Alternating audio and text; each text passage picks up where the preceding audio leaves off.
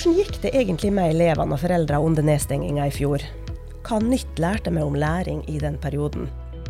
I studio for å snakke om dette har jeg Marte Blikstad Ballas, som er professor ved Institutt for lærerutdanning og skoleforskning, og Øyunn Syrstad Høydal fra Oslo, som er mor til to skoleelever. Den ene var på barneskolen, og den andre på ungdomsskolen under lockdown. Øyunn var altså ei av oss mødre som måtte ha heimeskole i fjor. Velkommen begge to. Tusen takk. Marte, vi begynner med det. Um, du har snakka med over 4500 foreldre over hele landet. Og de har svart på dine spørsmål om hvordan de opplevde den digitale fjernundervisninga. Hva var det de sa i hovedsak?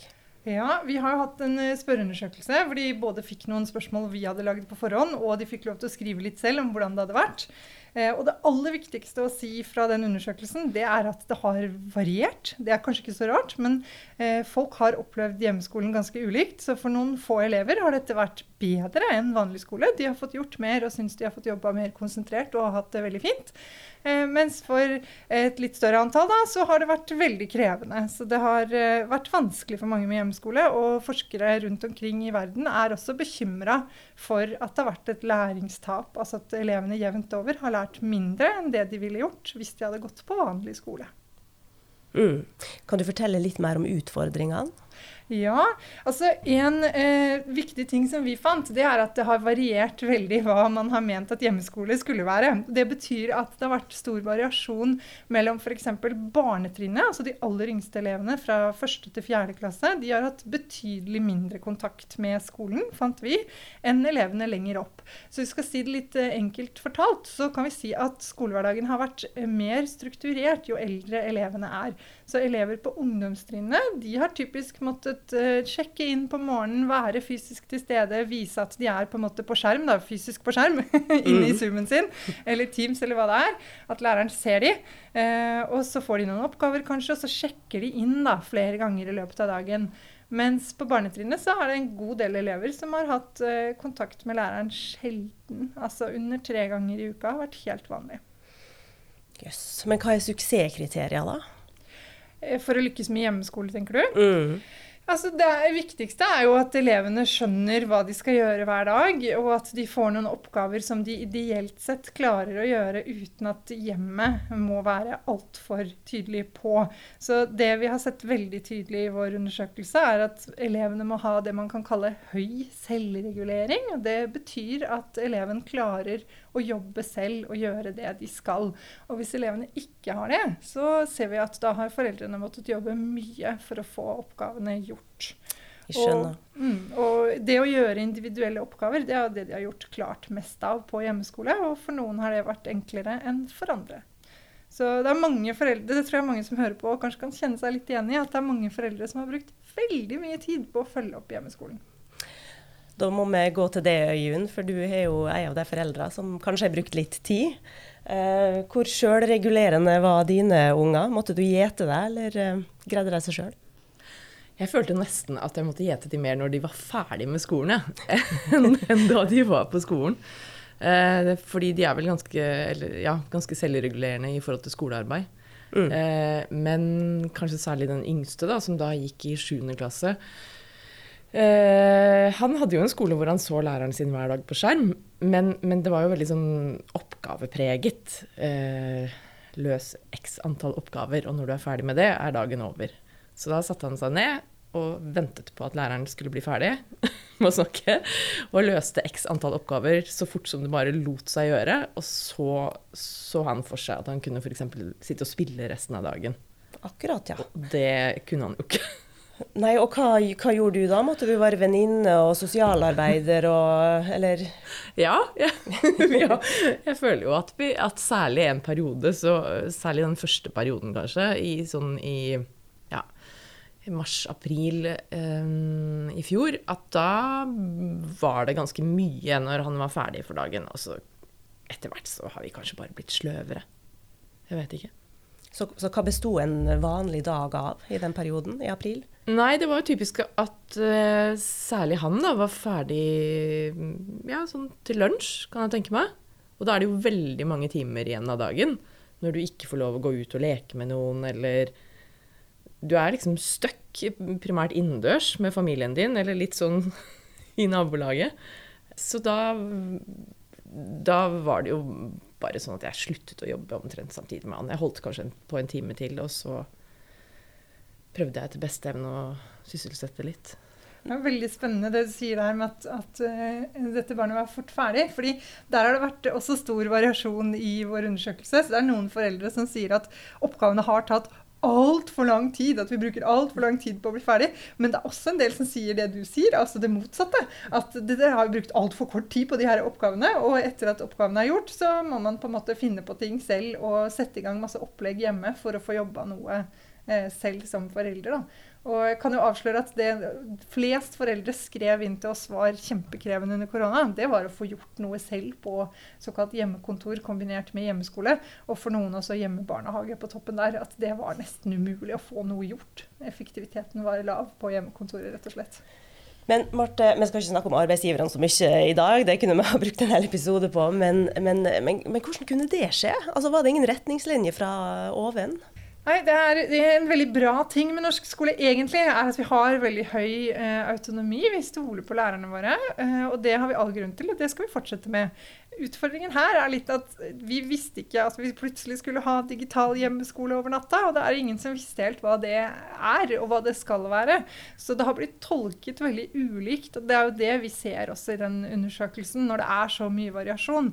For én ting er at det er variasjon i hvor mye foreldrene evner og makter og har tid til å følge opp, men det er også ganske stor forskjell i hva slags, altså hvor skolen har lagt lista, rett og slett. Da, på hvor mange oppgaver, hvor lenge hver dag.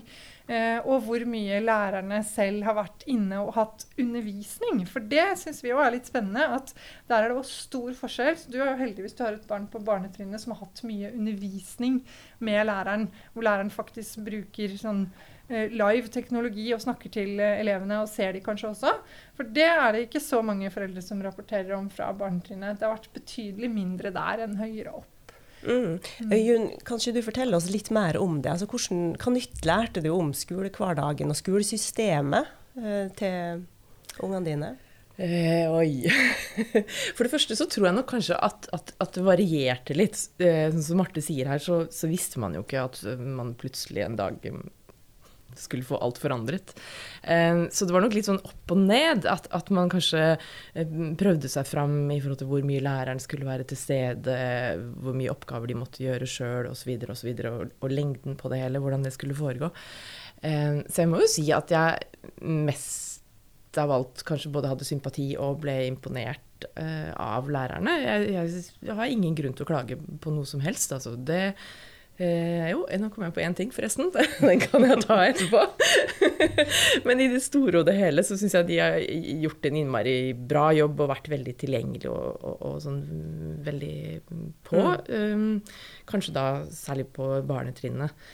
Hadde dere det utstyret dere trengte for å Ja, begge mine barn har jo gått på iPad-skoler, som mm. jeg i utgangspunktet ikke har vært så innmari glad for. Men kan du ikke jo... fortelle hva en iPad-skole er? Ja, altså de to skolene varierer litt. For på barneskolen så har sønnen vår hatt det sånn at han har iPad, men allikevel så skriver de en del for hånd og bruker en del bøker. Og, og, og det er liksom hva skal jeg si, virker som om det har vært en litt sånn fornuftig vekselvirkning der, da.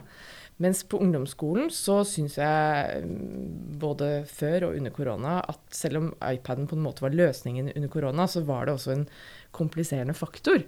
Fordi at uh, det er vanskelig som foreldre å orientere seg i forhold til hvor barna er i arbeidet sitt uh, når de ikke har bøker, når de bare har en iPad å forholde seg til hvis man står fast på et mattestykke og tilkaller mor og far, og vi skal prøve å hjelpe etter fattig evne, um, så er det ikke som når de har en bok hvor du kan bla tre sider tilbake og så si at ja, men her står det jo faktisk forklart hvordan man regner ut denne ligningen, og så graver man litt bak i hukommelsen, og så kommer man på hvordan det skal gjøres, og så, og så løser det seg.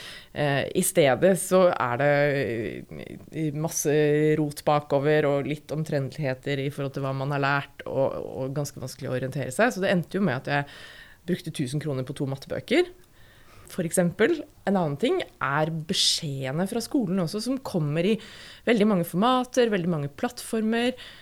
Eh, og det kan jeg jo spørre forskeren om, mm. for det har jeg lurt litt på. Det, eh, nemlig det her med at, at eh, Jeg syns det virker som om beskjedene som formuleres digitalt, både er, er, dårligere formulert enn de beskjedene som kommer på papir. Og jeg syns også at lærerne har en litt sånn lei tendens til å ombestemme seg underveis. Altså Akkurat som vi vanlige mennesker når vi skal gjøre avtaler digitalt eller på SMS, så vi litt er vi litt runde og avtaler litt lettere. Jeg vet ikke.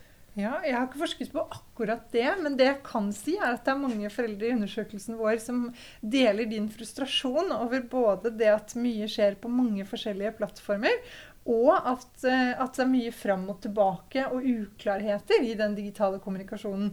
Og Det er jo fordi det har vært en stressende situasjon for skolene også. Men der ser vi også en ting til som slår ut. og Det er at ungdomstrinnselevene og lærerne har vært mer vant til disse plattformene. Og elevene kan de bedre selv. Så der har det gått litt mer sømløst mange steder enn eh, på barnetrinnet, hvor det kanskje også er første gangen foreldre og, eh, og, barna selv og lærerne faktisk skal prøve å bruke de plattformene til noe fornuftig.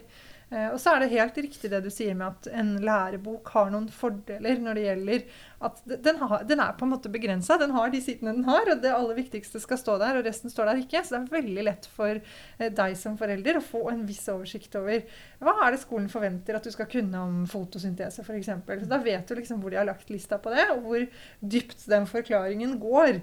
Eh, så du kan skumme det fort før du snakker med barnet ditt og prøver å hjelpe. Mens hvis det er, hvis det er en helt åpen oppgave, sånn gå på internett, finne ut hva fotosyntese er, og skrive en kort tekst om det, så kan det være noe du gjør på et kvarter. Men det kan også være noe du bruker en hel skoledag på. Eh, og det svaret på hva som er meningen der, vil du kanskje ikke få. Og foreldra fikk vel ikke så mye veiledning om hva som er gode kilder å gå til. Store norske leksikon er kanskje ikke en superkilde for en uh, tiåring? Nei, og Det er et veldig godt spørsmål. fordi alle vet jo ikke sant, at Store norske leksikon det er en bra kilde. Det, og det er riktig. Så, men det vil jo avhenge veldig av hva du faktisk skal. fordi i veldig mange tilfeller er Store norske leksikon for avansert. altså Der det vil være perfekt for en, kanskje en videregående elev som skal fordype seg i et selvvalgt tema om noe og kan mye om det fra før, så kan det være kjempebra. Men hvis det er eh, første gangen du skal lese om noe, og du er en barneskoleelev, så vil faktisk Store norske leksikon være alt altfor avansert i veldig mange tilfeller. Mm. Mm. Det noterer med oss. Men du, plattform er én ting, og iPad-skoler Det er jo ikke alle skoler som er iPad-skoler. Uh, Marte, opplevde foreldre utstyrspress i den perioden? Nei, altså Det vi ser, er at de aller aller fleste mener at de både har fått utstyr eh, av skolen, og at det utstyret har vært bra nok. Og vi ser at mange har mye utstyr hjemme også. altså. Mm. Eh, så det har vært brukt både foreldres eh, laptoper har vært i bruk, og barnas egen når de går på ungdomsskolen. Da er det mange som har privat i tillegg til det de eventuelt får på skolen. Eh, så har eh, veldig mange barn har egen mobil som de kan bruke til skolearbeid. Men de få eh, som sier at de har fått utstyr fra skolen, og at det ikke har vært godt nok, og ikke har masse privat utstyr, der er det selvfølgelig et kjempeproblem. Og selv om de er få, så er det et veldig stort problem for de det gjelder. Mm. Ok, Vi skal gå litt videre, eh, men eh, la oss oppsummere hittil. For at en heimeskole skal fungere optimalt, så kreves gode heimeforhold. Eh, men mange har ikke det. I fjor så måtte f.eks. noen foreldre ta seg av bedrifter som plutselig sto i fare for å gå konkurs. Andre var syke og hadde ikke overskudd til å være lærerassistenter for ungene sine. Atter andre forsto kanskje lite norsk. Eh, hva var konsekvensene for de sårbare elevene, Marte? Det er et uh, kjempeviktig spørsmål, og det er også et veldig vanskelig spørsmål å svare på. fordi eh, det som er veldig utfordrende med akkurat med dette med stengte skoler, er at vanligvis så løser vi litt dette med de sårbare ved at alle sammen møtes på den samme enhetsskolen. Og så gjør lærerne så godt de kan og tilpasser så godt etter beste evne og fanger opp på en måte hvem trenger ekstra mye hjelp i dag, hvem ser vi trenger litt mer. Eh, mens når det er hjemmeskole, så er det mye vanskeligere å følge med på det. Og sånn som dine eksempler viser også, så kan det være helt nye grupper som er sårbare. Altså, eh, vi ser i undersøkelsen vår bl.a. flere hvor hvis begge foreldrene jobber i helsesektoren, som knapt har vært hjemme i denne perioden, eh, selv om de har høyere utdannelse og vanligvis ville bli regnet som en sånn kjemperessurs i skolesammenheng for barna sine, så har det ikke vært det nødvendigvis under hjemmeskolen. Eh, så, så det er på en måte både at vi får litt nye grupper med sårbare elever, alle med veldig lav selvregulering som ikke har hatt foreldre hjemme, er per definisjon sårbare under en hjemmeskolesituasjon. Selv om de kanskje ikke ville vært det i en vanlig skolesituasjon. Så det er jo noe av det som blir spennende og krevende framover også. At vi må følge opp hvordan har dette gått for ulike elever. Eh, og hva kan vi gjøre for å på en måte eh, passe på at ikke dette får for store negative konsekvenser videre. Mm. Men vi, en ting jeg kan nevne er at vi vet jo fra en annen undersøkelse som de har gjort på NIFU bl.a., at lærerne selv fremhever dette med de sårbare elevene som det aller vanskeligste, og sier at det har vært nesten umulig å nå fram til de elevene de har vært mest bekymra for. Og det er i seg selv ganske bekymringsverdig. Ja, for vi kan vel på sett og vis si at enhetsskolen smuldra opp etter 13.3 i fjor. Og nettopp konsekvensene av det vil, jo, vil, vi jo se etter hvert. Men hvordan prøver dere da å komme inn til de elevene? Og ikke minst finne ut hvem de er? Det er, det, det er jo det, man må prøve. Det er, det er ikke noe fasitsvar på det. Men jeg tror liksom, et helt banalt poeng er at vi må spørre de elevene som nå har hatt mye hjemmeskole. For det er også viktig å huske på at hvor mye hjemmeskole elevene faktisk har hatt, varierer veldig avhengig av hvor de bor. Så er det er noen som hadde eh, noen uker eh, i fjor, og så er det noen som har vært veldig lite på skolen gjennom hele det skoleåret fordi de har vært mye i karantene, bl.a. Men altså å prøve å følge opp hvordan det har gått, eh, hva de syns har gått bra, og passe på skolemotivasjonen. For den er man også bekymra for, for vi har flere studier, eh, ikke mine, men andre forskerkollegaene sine, hvor de har sett at motivasjonen for de som allerede syntes skole var krevende, har gått ned. Eh, og det er jo noe av det viktigste, å passe på at skolemotivasjonen er oppe. Eh, og jeg personlig syns det er ekstra problematisk kanskje med den gruppa med elever som startet skoleåret i fjor. Altså de som har hatt sitt første år på skolen med nesten bare digital hjemmeskole mange steder. Eh, det er kjempekrevende. Mm. Mm. Ja, det skjønner jeg godt. Mange har kanskje ikke lært å lese og skrive enda engang?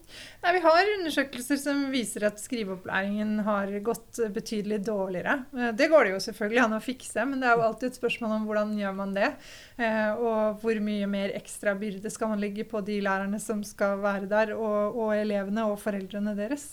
Eh, for det er òg en bekymring man har i Norge nå, at det er mange elever som sier at de er stressa fordi de er bekymra for dette læringstapet.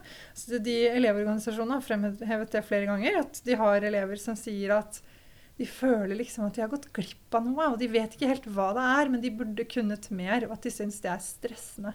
Eh, og Det er også veldig synd, fordi det er jo ikke elevenes feil at de har gått glipp av noe og ikke fått den opplæringen de skulle hatt.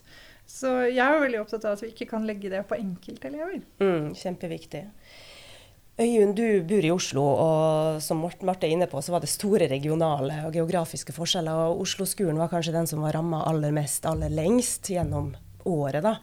Eh, I hvert fall hvis vi tar med gult nivå, ikke bare nedstengninga. Opplevde du ungene dine som mer utsatte i den perioden? Ja, hva kan vi si om det? Eh, jeg tror at eh, eldstemann, som kanskje ikke trivdes så innmari godt på den ungdomsskolen, syntes det var litt deilig med en pause mm. fra skolen, faktisk. Eh, og at det også var litt fint å kunne konsentrere seg om de fagene hun hadde behov for å konsentrere seg om, og ikke de fagene hun mm. ikke, ikke tenkte ikke å bruke. Ikke var så opptatt av. Ja, nei. Mm.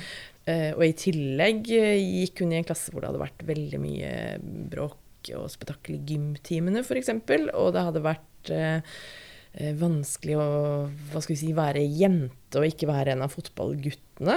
Um, vi har et barn som er, liker å trene og som er i veldig god form, men som likevel på en måte ikke håndterte de gymtimene. Så for hennes gymkarakter for eksempel, var det jo fantastisk å komme hjem og drive med egentrening og skrive rapporter istedenfor. Mm. Nettopp. Følte du at hun tapte noe da? Ved å ikke ha en lærer tilgjengelig, eller så tilgjengelig? Jeg tenker at hun kanskje kom ut på, i balanse, mm. hvis jeg skal si det sånn. Så bra. Covid-19 eh, er ikke helt over enda. Smitten øker her med sitt i hvert fall i dag. Og nye smitteverntiltak truer. Hva lærte vi av det her sosiale eksperimentet våren 2020 som vi kan ta med oss framover? Både med det som fiksa hjemmeskole og lærte mer, og det som ikke gjorde det.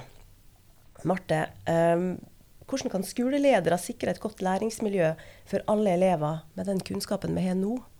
Jeg tror det som er veldig veldig viktig framover, som jeg har forståelse for at det ikke var på plass fra start, men det, det som må på plass nå, det er jo en avklaring med lærerne eh, om hva vi mener hjemmeskole skal være, sånn at vi får ned den variasjonen på f.eks. oppmøte, eh, antall oppgaver, hva som er en vanlig dag med hjemmeskole. Fordi hele utgangspunktet for vår studie var faktisk å finne ut hva har en vanlig dag på hjemmeskolen vært. Og da er det litt bekymringsverdig også at det er så stor variasjon. Så det å på en måte ha en klar forventning om hvor legger vi lista, for å si det litt enkelt, på hva en hjemmeskoledag skal være, det tror jeg er kjempeviktig. Men hvor begynner vi hen da? Er det politikerne? Er det den enkelte rektor? Jeg tenker at det er, det, hadde, det, det er, mange land som har løst dette annerledes enn oss, og, og, man har mye å lære, syns jeg.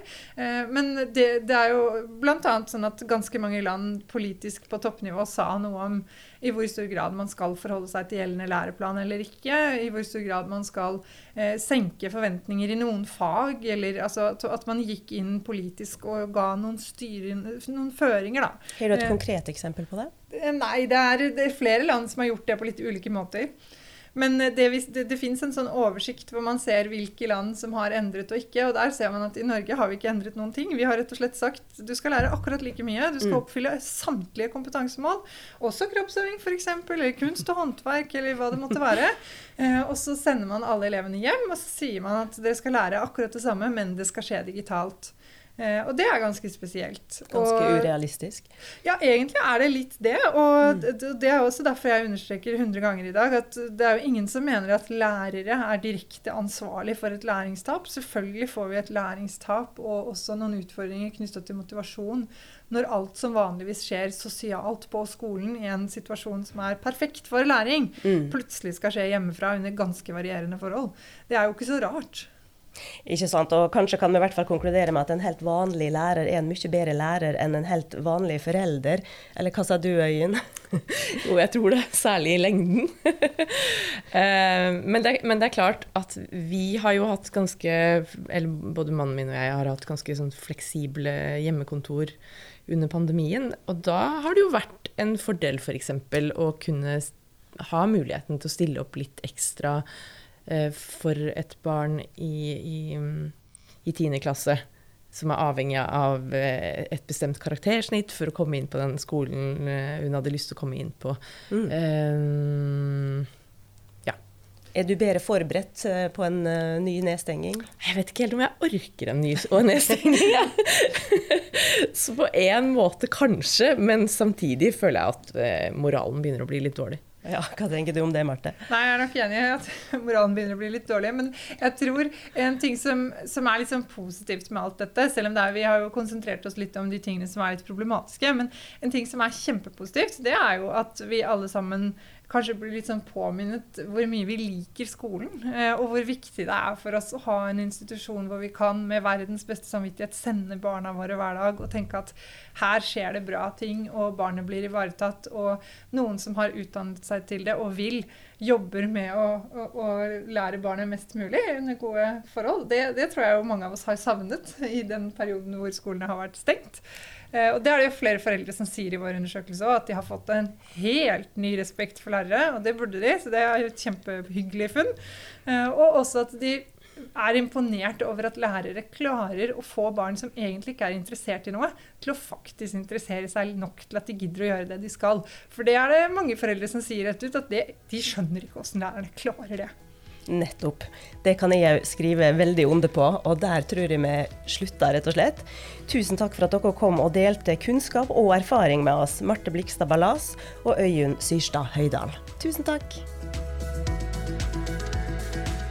Takk for at du hørte på denne episoden av Læring, som ble researcha av Magnus Heie og Monica Bjermeland, og produsert av Shane Colvin. Du finner oss på Det utdanningsvitenskapelige fakultets nettside og Facebook-side, og på Spotify og iTunes. Mitt navn er Monica Bjermeland. Vi høres.